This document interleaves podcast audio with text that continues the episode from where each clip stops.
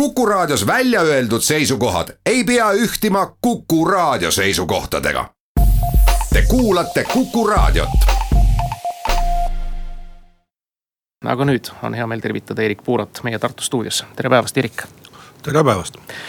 niisiis, eeskätt tartlane olete te antud küsimuses olnud, kui te olete sellesse debatti aktiivselt kaasatuks osa äh, osutunud noh, kindlasti, sest kunagi, kui ma õppisin Stockholmi Tehnikaülikoolis, oli üks selline juhtum, kus üks teadlane andis ühe hoiatuse ühe tunneli rajamise suhtes, et kui seal teatud aineid kasutatakse, siis võib järgneda sisuliselt keskkonnakatastroof, teda ei kuulatud ja, ja siis ma nagu andsin teadlasena endale lubaduse, et kui ma selliseid ohumärke nagu näen, siis, siis ma nagu ei saa nagu vait olla keskkonnateadlasena te teate väga hästi, millest ilmselt kõnelete, kui jutuks tuleb siis plaanitav ja juba ära otsustatud, nagu ma aru saan, investorite poolt ette kraft tehnoloogia. katsusin natukene aimu saada ja nii palju, kui nüüd aru sain, profaanina täiesti selles vallas, kraft tehnoloogia on selline suhteliselt vanaaegne tehnoloogia, mis tekitabki seda vastikut sulfiidihaisu no täpselt niimoodi ongi, et seal on üks keemiline reaktsioon, mida läbi sajandite nüüd juba kasutatakse ja, ja selle tulemusena lihtsalt tekivad äh, sellised ühendid, mis on kohutavalt haisvad. metüülmerkaptaan, dimetüülsulfiid, äh, ka vesinik disulfiid või diivesiniksulfiid. nii et noh, nagu selles mõttes äh, ainukene võimalus on neid gaase kuidagi noh püüda kinni hoida või, või ära põletada võimalikult suures ulatuses. aga see, et nad nendes protsessides tööstuslikes seal mitmel astmel tekivad, sellest äh, ei saa üle ega ümber ja lisame juurde ka selle aspekti, mida väga kardetakse, et tegelikult nagu ma aru saan, üsna reostuskoormuse piiri peal olev Emajõgi reostuseta antud tehase puhul ei pääse, mistõttu siis igasugune noh, lubadus selle kohta, et minimaalselt, aga see minimaalne on ka vist juba Emajõe jaoks palju, mida investorid lubavad no see on nüüd teine ja veel tõsisem lugu tegelikult loomulikult sellepärast, et see veevool kaheksasada liitrit sekundis, kui te noh nagu kujutate, see on, kes on käinud seal Elva-Verevi järve ääres, siis see täidaks selle järve ära ühe nädalaga, kui see järv oleks tühi. kolm meetrit sügav järv ja noh, puhas vesi muutub äh, reostunud veeks, see läheb Emajõkke võib-olla keskmise Emajõe tasemel juures noh, nagu suuri probleeme ei ole, et lahjendub ära. muidugi probleemid tekivad siis Peipsis, kus ikkagi need reoained jõuavad Peipsisse, seal juba põhjustavad probleeme. aga Emajõel on olnud selline veetase näiteks tuhande üheksasaja kolmekümne üheksandal aastal nagu viis kuupmeetrit sekundis ja, ja noh, paratamatult ajalugu kordub mis tähendab tegelikult seda, et sellisel juhul oleks see noh, mitte, mitte niivõrd suur lahjendus, vaid kokteil, kus on siis üks osa seda reovett ja mingisugune viis-kuus osa on siis seda jõe enda vett nii et äh, noh, sellisel juhul on, on ikkagi täiesti ilmne see, mis, mis jõest nagu toimuma hakkab. Erik, see on hea, et te tegelikult äh, suure erialaspetsialistina olete noh, nii-öelda sõna sekka ütlemas. Te ei ole poliitik, kes ilmselt nopib punkte saades seljavõitu kaitstes justkui rahva huve. ja, ja te ei ole ka noh, meediainimene, kes siis võib-olla saaks suure hulga klikke kirjutades siis tohutu skandaalist ülesse. Teil on ratsionaalsed, korralikud keskkonnateadlase argumendid, pluss veel ka tartlase hirm nii-öelda kodukoha tuleviku vastu. samal ajal te teadlasena ju saate aru ka, et meie majandus vajaks kindlasti ka seda, et kodumaist puitu ju rafineeritaks meil kodumaal, mitte eksporditaks välja. nagu siin Tarmo Soomere on öelnud, et see on suhteliselt halb ja väga halb valik no täpselt niimoodi on, et see juhtum, mis praegu on, on tegelikult selline müstiline asjaolude kokkusattumine. see on lihtsalt niimoodi, et üks ettevõte on teinud endale sobiliku äriplaani ta on arvestanud mitme asjaga, kuidas siis, kus oleks metsa, mis oleks ka Läti lähedal, et saaks Läti metsa, natuke Leedu, Valgevene metsa, et see on väga oluline kriteerium selles äriplaanis mitte, mitte tervikuna Eesti mets, sest ikkagi noh, nagu näiteks Pärnumaal või Hiiu-Saaremaal see mets läheb ikka selle, selle noh, nagu puiduna ju, ju Rootsi, aga me lihtsalt tahame tahame, et oleks, siis teine on, et kus oleks nagu jõgi ja kolmas on nagu, kus oleks nagu raudtee. jõgi on vaja, et oleks nii-öelda tootmisprotsessiks vett ja kuskile reostus panna ja raudteed on vaja siis selleks, et, et seda nii-öelda nagu, nagu ära vedada ja täiesti juhuslikult siis, kui, kui noh, nagu see arvutus on tehtud, et see tehas peab olema niivõrd suur, nagu ta on plaanitud ja ta peab olema niivõrd suur sellepärast, et on ühesõnaga see kraft tehnoloogia ja et tahaks efektiivseid puhastusseadmeid näiteks õhu suhtes, mis tööprotsessis töötaksid, siis ta peab olema nii suur, mitte väiksem. väiksem tehas reostaks Äh, tegelikult ehk isegi rohkem. Siis nüüd, äh, kui see punkt kaardi peale panna selle äriplaani kohaselt, siis ta täiesti ütleme noh, jutumärkides juhuslikult langeb kokku Tartu linnaga ja see nüüd ongi nagu see, millest see nagu pihta hakkab. ja, ja noh, ettevõtte poolt see noh, tundub, et see kokkulangevus on täiesti juhuslik, mingeid kompromisse ei ole, äriplaan on selline. ja, ja järelikult see tehas tuleb teha sinna, ainult sinna, mitte kuskile mujale. rohkem huvi ei ole ja, ja noh, nagu riik läks sellega kaasa. riik siis noh, tuli välja, et siis see on niivõrd suur tehas, et selle vastu on avalik huvi. ja tulebki teha see siis nii-öelda eriplaneering just sinna piirkonda, kuna ettevõte kuskil mujal ei taha. Aga noh, ausalt öeldes selle tegemise juures mitte keegi noh, nagu ei arvestanud sellega, et see on ühesõnaga Tartu linn, ei arvestanud sellega, missuguses seisundis on Emajõgi.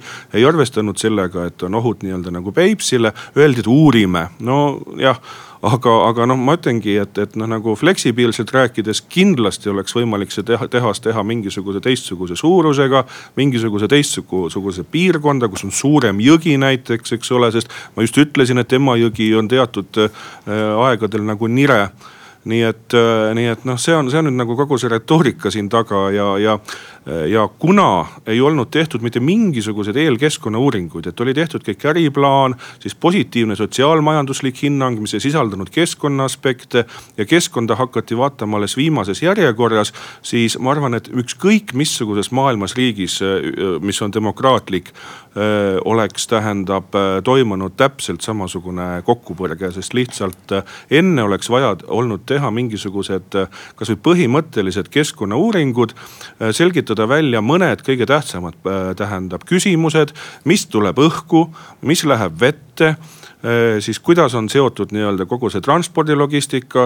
Need ei oleks maksnud palju, need on ühesõnaga väiksed ja siis oleks saanud rääkida sotsiaalsest kokkuleppest aga nüüd me hakkame tegelikult tegema, mis uuringuid me hakkame tegema, me hakkame tegema uuringuid, äh, kui palju äh, Tartu regioon, Emajõgi, Peipsi võiks seda reostust vastu võtta. et siis äkki on sobilik tehnoloogia, mis on veel majanduslikult tasuv, mida me võiksime valida, see on, see on, see on äraspidine protsess tegelikult nii et, äh, nii et noh, nagu muu maailma praktika on selline, et enne ikkagi tuleb saavutada teatud noh, nii-öelda keskkonnaalane eeluuring, siis sotsiaalne kokkulepe kogukonnaga, kus räägitakse tõest informatsiooni.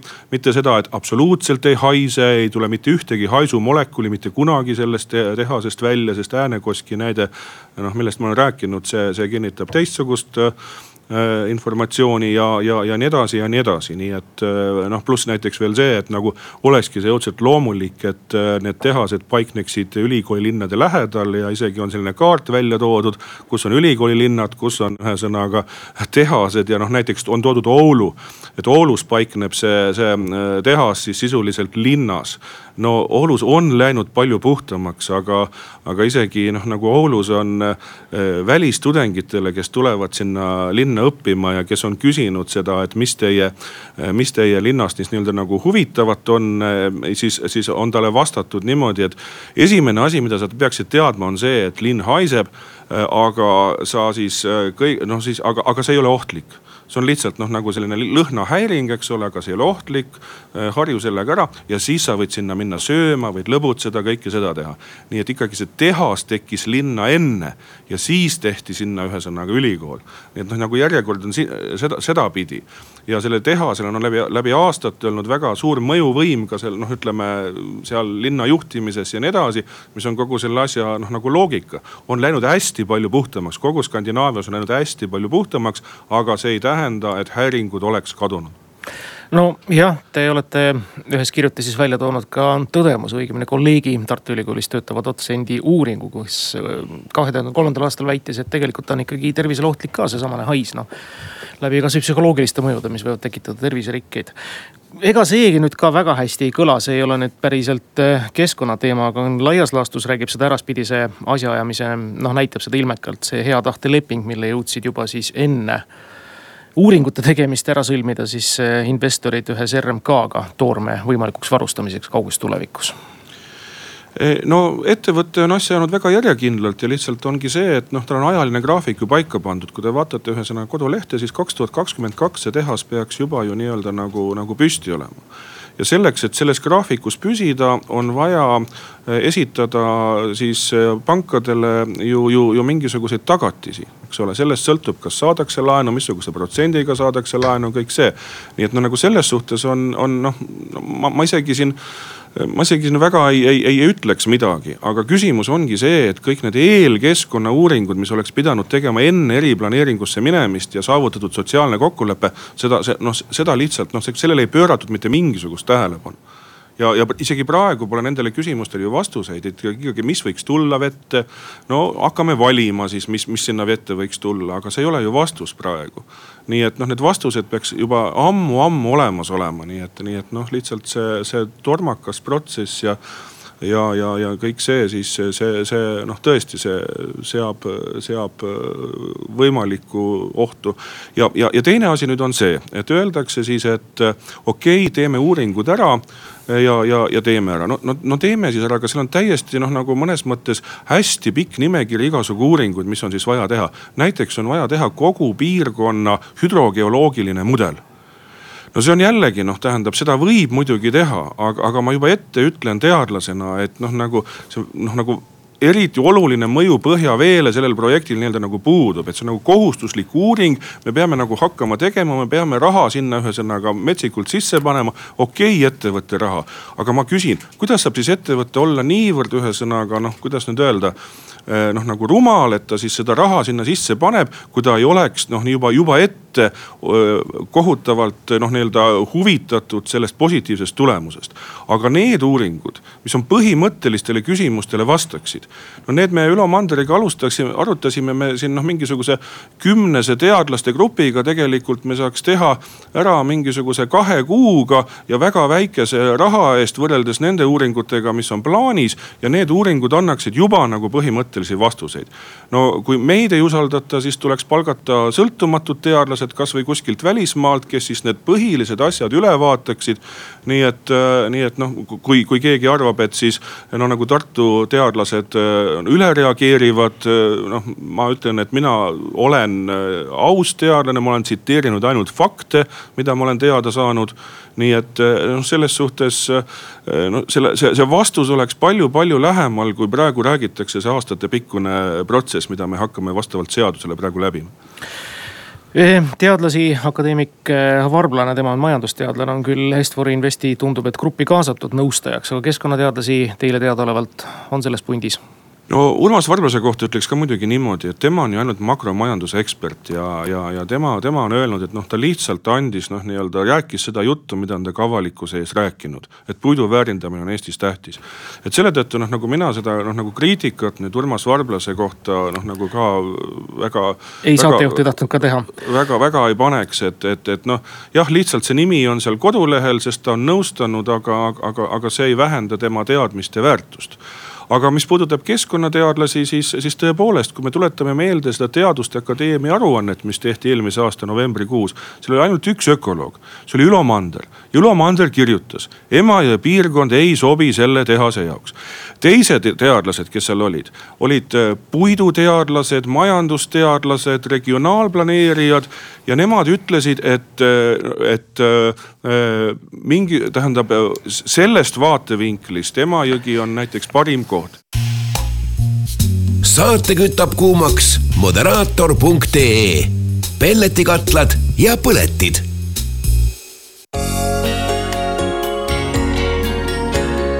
Vox Populi. Vox Populi erisaade on algamas, küsimustele vastab Eerik Puura, Tartu Ülikooli arendusprorektor, geoloog, keskkonnateadlane ja teemaks on meil siis Tartu lähedale plaanitav ja praegu väga palju kirgi küttev tselluloositehas ja meil on ka helistaja numbril kuus, kaks, üks, neli, kuus, neli, kuus juba olemas, tervist. tere, mul oleks saatekülalisele paar küsimust. esimene küsimus, kas ma sain õieti aru, et meile või Eesti rahvale on selle potentsiaalse tselluloositehase negatiivsete tagajärgede osas nagu teadlikult valetatud või äh, jäetud nagu need äh, või noh, negatiivne külg nagu korrektselt valgustamata, see oleks esimene küsimus. teine küsimus oleks see, et kas te oskate hinnata, kui suur on see pindala või areaal, ke-, kelle nagu selline äh, õhu, õhusaastatus olulisel määral suureneb, on see viiskümmend ruutkilomeetrit, sada ruutkilomeetrit. kas Tartu kesklinnas elav inimene äh, saab ka seda kümnel päeval või viiekümnel päeval äh, aastas nagu tundma seda, et seal on see tehas kuskil ja kuidas see mõjub nagu Emajõe kalavarudele? palun, Eerik.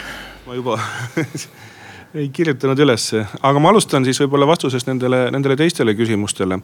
õhureostuse küsimuses me hetkel saame tugineda Äänekoski kogemusele. Äänekoski tehast praegu installeeritakse, meil on pooleaastane praktika ja seal on selle poole aasta jooksul olnud äh, kusagil mm, kümme haisuperioodi. alguses pikemad, mis olid äh, seal isegi paari nädala kaupa, nüüd on umbes niimoodi, et kuu aja jooksul on umbes äh, noh, nagu kolm perioodi kõige kaugemale on hetkel selline haisupilv jõudnud, äh, siin oli neljandal veebruaril sellel aastal viiekümne kahe kilomeetri kaugusele. et need on nagu faktid. Äh, mis edasi saab, kui efektiivselt see tehas hiljem noh, nii-öelda kui see protsess juba käima on läinud, tööle hakkab, seda ei oska hetkel vastata, sest vastav praktika hetkel puudub aga noh, see tehas peaks kakskümmend neli seitse kogu aeg huugama. ja kui tal mitte mingisugust riket ei teki põhimõtteliselt, et siis noh, põhimõtteliselt olulist haisu ei esine. kui on vähegi kusagil tootmisprotsessis mingisugune väike rike või häiring, kuna noh, siis need gaasid vabanevad, see omakorda tähendab, et see, seda ette ennustada täpselt, kas ja kui palju seda, seda nagu ei oska keegi mis puudutab Emajõge ja, ja kalasid, siis, äh, siis noh, kalad on nagu sellised äh, liikuvad olendid ja seal on pigem noh, nagu tekib selline bioakumulatsiooni küsimus. et, äh, et kui seal peaks olema mingisuguseid metalle või, või mis iganes ohtlikke aineid, siis need võivad kaladesse noh, nii-öelda nagu akumuleeruda mis omakorda tähendab seda, et, et noh, see, see võiks tähendada äkki seda, ma ei oska praegu öelda tõesti sellele vastata.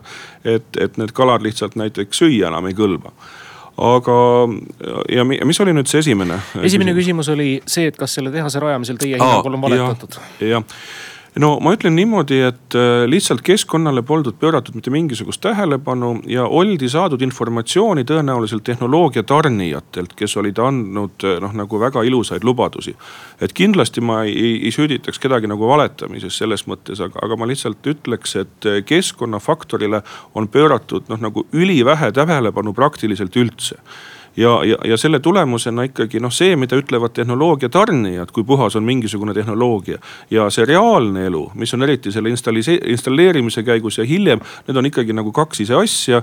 ja Äänekoski praktika näitab muud, kui olid alguses need ilusad lubadused, et see tehas on noh ühtegi haisumolekuliselt iialgi välja ei tule. see on hoopis teistsugune pilt telefon kuus, kaks, üks, neli, kuus, neli, kuus on järjekordse küsija liinile võtnud, tervist. hallo, kuuleme teid või siis ei kuule. ootame siis järgmist, aa nüüd on telefonil helistaja, tervist. tere, tere jah. küsiks, ähm, kõik õied lõpuks on äh,, suubuvad Peipsi järve, eks ole. et äh, kõik, mis siit Tartust nagu ja nendest väikestest lisajõgedest äh, nagu kogunevad. ja tänane nagu Peipsi järve põhiline reostus on äh, valgaladelt äh,, mis on siis äh, Eesti territooriumilt tulnud, kuna meie piirkonnas on see põllumajandus nagu aktiivsem kui Vene poole peal. Äh, samas on Peipsi järvel valgalasid äh, mm, palju rohkem Venemaa poole peal. ja täna on aktiviseerumas Vene põllumajandus teatavatel põhjustel, kuna lihtsalt nende põllumajandustootmine on praegu tõusuteel, tulenevalt siis riiklikest sisemistest poliitikatest ja toetustest. ja loomulikult mõista ka sellest, et keegi neile süüa ei anna ehk nad ise nagu keerasid selle söögikraani kinni ja püüavad ennast ise ära varustada. et äh, kas äh, on mingisugust informatsiooni selle kohta, et kui palju nüüd võrreldes äh, Eestis asuvatest valgaladest ja põllumajandusmaadelt nii-öelda Peipsisse jõudvatest mürkidest, et kui palju nagu võiks moodustada protsentuaalselt või kui palju võiks suureneda siis saasteprotsent mida see tehas nagu teeb? ei, nojah, teada on, et Pihkva järv on juba, juba noh, nagu päris äh, väga, väga, väga halvas seisus. et, et äh, ja siis me räägime Peipsist, noh nagu Lämmijärvest seal vahel ja Emajõe suudmest noh, tõesti no, ütleks nagu niimoodi, et me peaksime väga suurt tähelepanu pöörama sellele, et, et nagu, nagu kõik reoained noh, nagu vähegi vähendada kõikidest võimalikest allikatest nii palju kui saame. Aga ma ütlen ka seda, et noh, see no, eutrofeerumine, see on peamiselt fosfor, aga juba ette on teada ja see on ka Äänekoski kodulehel olemas, et äh, seal, kuna see kokteil sisaldab endas ka teistsuguseid äh, siis äh, ioone ja üks on nendest on sulfaatioon, mida peatakse suhteliselt süütuks. siis Äänekoski enda kodulehel on nagu kirjas, et seesama sulfaatioon võib samamoodi siis põhjasetetes seal redutseerudes hakata omakorda fosforit mobiliseerima, mis põhjustab vetikate vohamist, nii et siin on, siin on nagu keskkonnateaduslikult see, see väga keerulised mehhanismid, mida põhjustavad erinevate reoainete koostoimed. Ja sellepärast juba praegu me peaksime väga täpselt teadma, mis on see tehnoloogia ja missugused reostusained sinna ühesõnaga järve eh, või jõkke võiksid nagu jõuda, et saaks teha vastavaid arvutusi, aga seda andmestikku pole olemas. sellepärast, et isegi noh, nagu seda puhastustehnoloogiat pole valitud, me saame lähtuda jällegi äänekoski arvudest. ja äänekoski arvud muuhulgas on, et ühes päevas jõuab sinna eh, noh nagu orgaanilist ainet, mida mõõdetakse chemical oxygen demand, see keemiline hapnikutarve. see on kusagil kolmkümmend tonni päevas, see on kolossaalne kogus, millel on veel omakorda mingisugused noh, nii-öelda koosmõjud. nii et noh ma ütlen, et, et noh, kõike seda vaadates sisetunne, ma ausõna teadlasena ütlen, noh, see pole vahet, kas ma olen tartlane, kas ma olen belglane või, või, või siin pügmee. ma noh, sisetunne ütleb mulle, et siin on midagi väga korrast ära. ja täpselt nagu ma näiteks tõin, noh see, see häirekell, mis kunagi mul see KTH-s kogemus oli. et kui praegu seda häirekella välja ei käi. no loomulikult see ilmselt siis uuringute käigus noh, nii-öelda nagu selgub, aga, aga, aga kas, kas ei oleks mõtet siis kontsentreeruda praegu nendele peamistele mõjudele, mitte, mitte hakata hakata uurima seal neljateist uuringut umbes, kuidas, kuidas, kuidas muinasväärtustele näiteks see tehas võiks, võiks nagu mõjuda. kuus, kaks, üks, neli, kuus, neli, kuus, helistajatest puudusi ei ole, tervist. Juhan Läänemaalt tahan ka anda informatsiooni natukene. palun. kas praegu kohe võin anda? võite, võite kohe anda. olen mitukümmend aastat tagasi käinud Paikali järves ujumas ja sealt vett võtnud ja nüüd olen ka lugenud üht-teist andmeid, et see kuni kümne kilomeetri sügavune Paikali järve noh, kaldu kallaste peal. Selle e, metsakombinaadi töö tulemusena on kilomeetrite ulatuses e, molluskid on e, välja surnud juba ja see kõik hakkab ju mm, mõjutama seal kalavaru ja, ja oomulit ja kõiki muid asju. Vot, et see on väga ohtlik asi, kõik jah, see oli nüüd info mõttes. No üt-, kommenteeriks kiiresti, et muidugi Skandinaavia need noh, nagu ütleme keskkonnatehnoloogiad, mis on arendatud viimase kahekümne, kolmekümne aasta jooksul. on muutnud seda kõike, seda noh nagu suhteliselt nii-öelda puhtaks protsessiks. aga mitte täielikult, mingit suletud veeringet ja sellist asja pole olemas, on vaja võtta hästi palju vett ja on, on vaja lasta hästi palju reoaineid ikkagi jõkke kuus, kaks, üks, neli, kuus, neli, kuus ja uus helistaja küsimusega liinil, tervist. tervist, jõudu tööle, mul on suur au rääkida nimekaimuga, mina olen ka Eerik Tartust tere! Veidi filosoofilist laadi küsimus.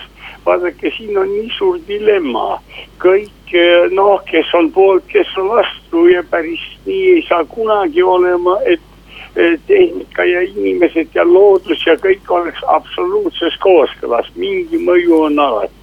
Näiteks ma ütleks niimoodi, et kui Belgias on ligikaudu kümme korda rohkem inimesi ja on seitse tuumajaama, siis jumal hoidku selle arutelu eest, kui Eestis hakatakse, tahetakse ehitada tuumajaama sama on selle tehasega tähtsam. Siin peab mingi kuldne kesktee olema, aga seda on väga raske leida, sellepärast keegi ei taha, no nii, siis ei saa elada, siis peab minema, peame minema metsa koopasse elama ja käbisid närima või ma ei tea, marju korjama, ei tohi autot olla ei mitte miskit. me jääme tehnoloogiliselt ja jääme maha tervest maailmast, aitäh no vastan niimoodi, et no kahjuks jah, et maailm pole kunagi nii-öelda nagu päris õiglane. ja on selliseid situatsioone, kus äh, siis inimeste mingisugused muud vajadused kaaluvad üles teatud nagu ebamugavusi no näiteks Valgamaa on ju praegu öelnud, et, et noh, põhimõtteliselt, et, et võiks ju tehase ühesõnaga sinna teha. ja, ja, ja mis on põhjus, põhjus ongi tegelikult, et noh, seal on ju elanike asustus on suhteliselt hõre.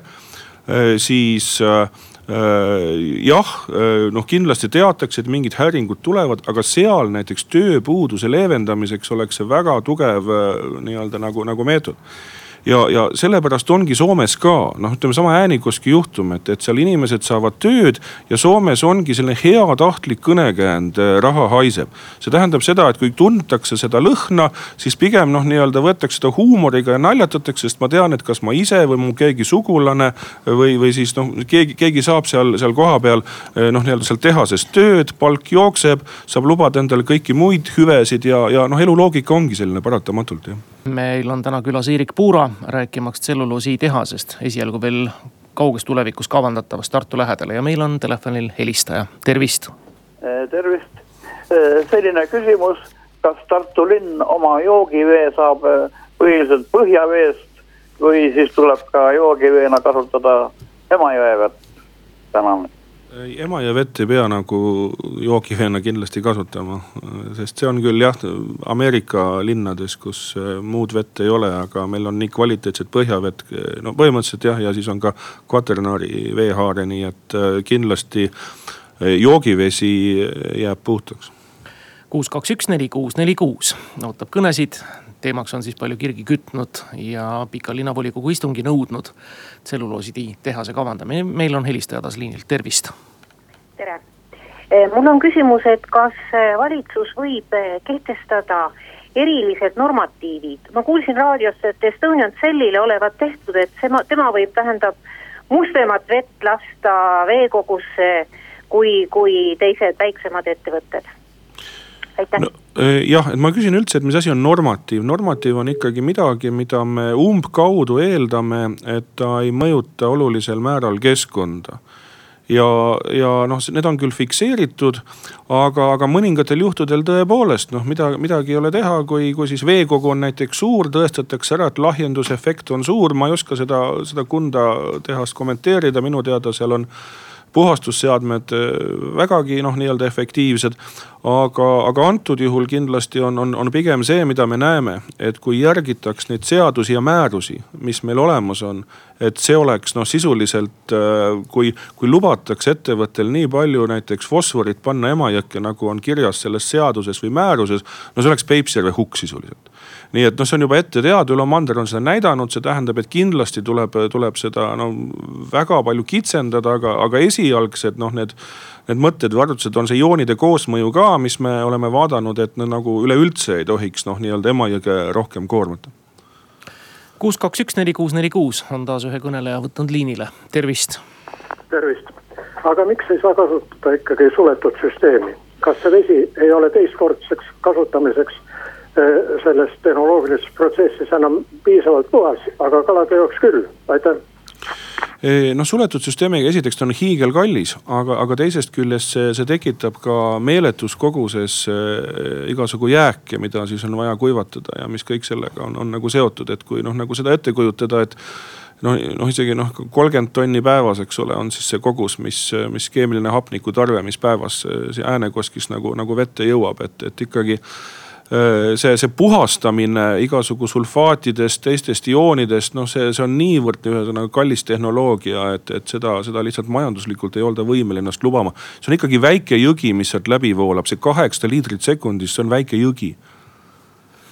järgmine helistaja, tervist.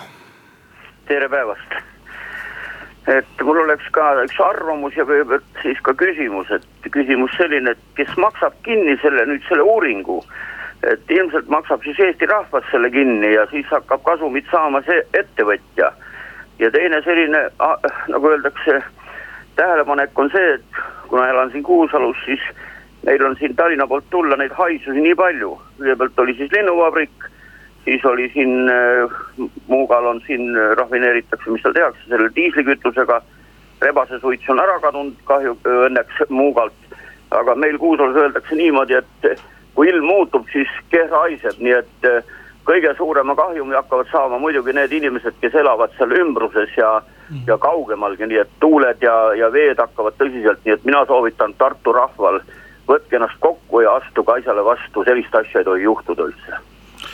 ma, ma kõigepealt ma ma vastan siis niimoodi, et uuringu maksab kinni ettevõte, nii et noh, selles suhtes ja, ja aga noh, minu jaoks see ongi natukene imelik, eks ole, et kui, kui nagu ettevõte maksab kinni, siis seda suurem otse kui selline noh, nagu huvi ettevõttel ju, ju tekib nagu positiivse tulemuste järele, et kui tulemused oleksid nagu üheksakümmend protsenti ette teada, et need on negatiivsed, mis mõte on ettevõttel noh, seda uuringut nagu, nagu finantseerida, eriti selliseid uuringuid, mis nagu noh, üleüldse väga asjalikku informatsiooni sellele ei anna, mis on kohustuslikud mis puudutab nüüd sellesse, siis jällegi noh, see on üks paradoks, mis, mis tuleb kindlasti välja tuua, et, et mis tahes noh, selline, selline hais kahjuks ta ta toob kaasa ka, ka kinnisvara hindade täiesti selge languse.